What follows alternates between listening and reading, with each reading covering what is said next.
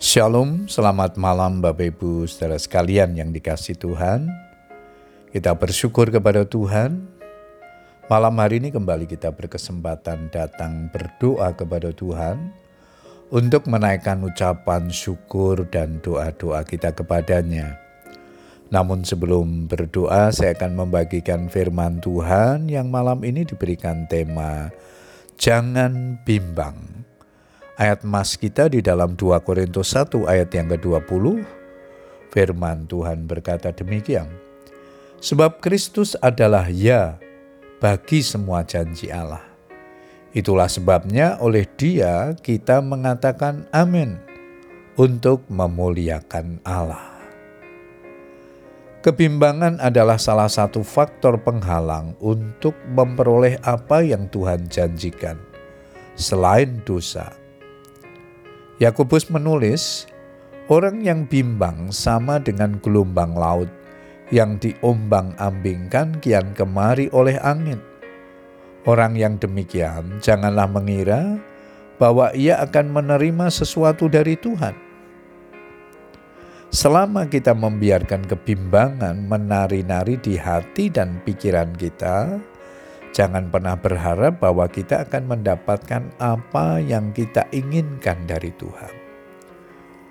Tuhan Yesus menegaskan, sesungguhnya barang siapa berkata kepada gunung ini, beranjaklah dan tercampaklah ke dalam laut, asal tidak bimbang hatinya, tetapi percaya bahwa apa yang dikatakannya itu akan terjadi, maka hal itu akan terjadi baginya.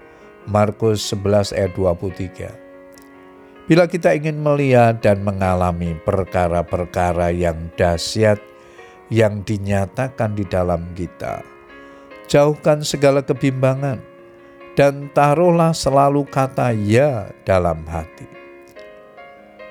Masih dijumpai orang-orang Kristen yang menganggap bahwa janji-janji Tuhan itu palsu atau bohong karena mereka sudah sekian tahun lamanya mengikut Tuhan, tetapi hidupnya tidak mengalami perubahan yang berarti. Bagaimana dan mengapa janji-janji firman Tuhan tidak tergenapi dalam hidupnya? Karena dalam hati dan pikiran ada ya dan tidak. Ya dan tidak sama sekali tidak dapat digabungkan, sama seperti terang dan gelap bagaimanakah terang dapat bersatu dengan gelap? Bila kita berdoa meminta sesuatu kepada Tuhan, kita harus yakin dan membayangkan bahwa kita sudah menerimanya. Apa saja yang kamu minta dan doakan, percayalah bahwa kamu telah menerimanya, maka hal itu akan diberikan kepadamu.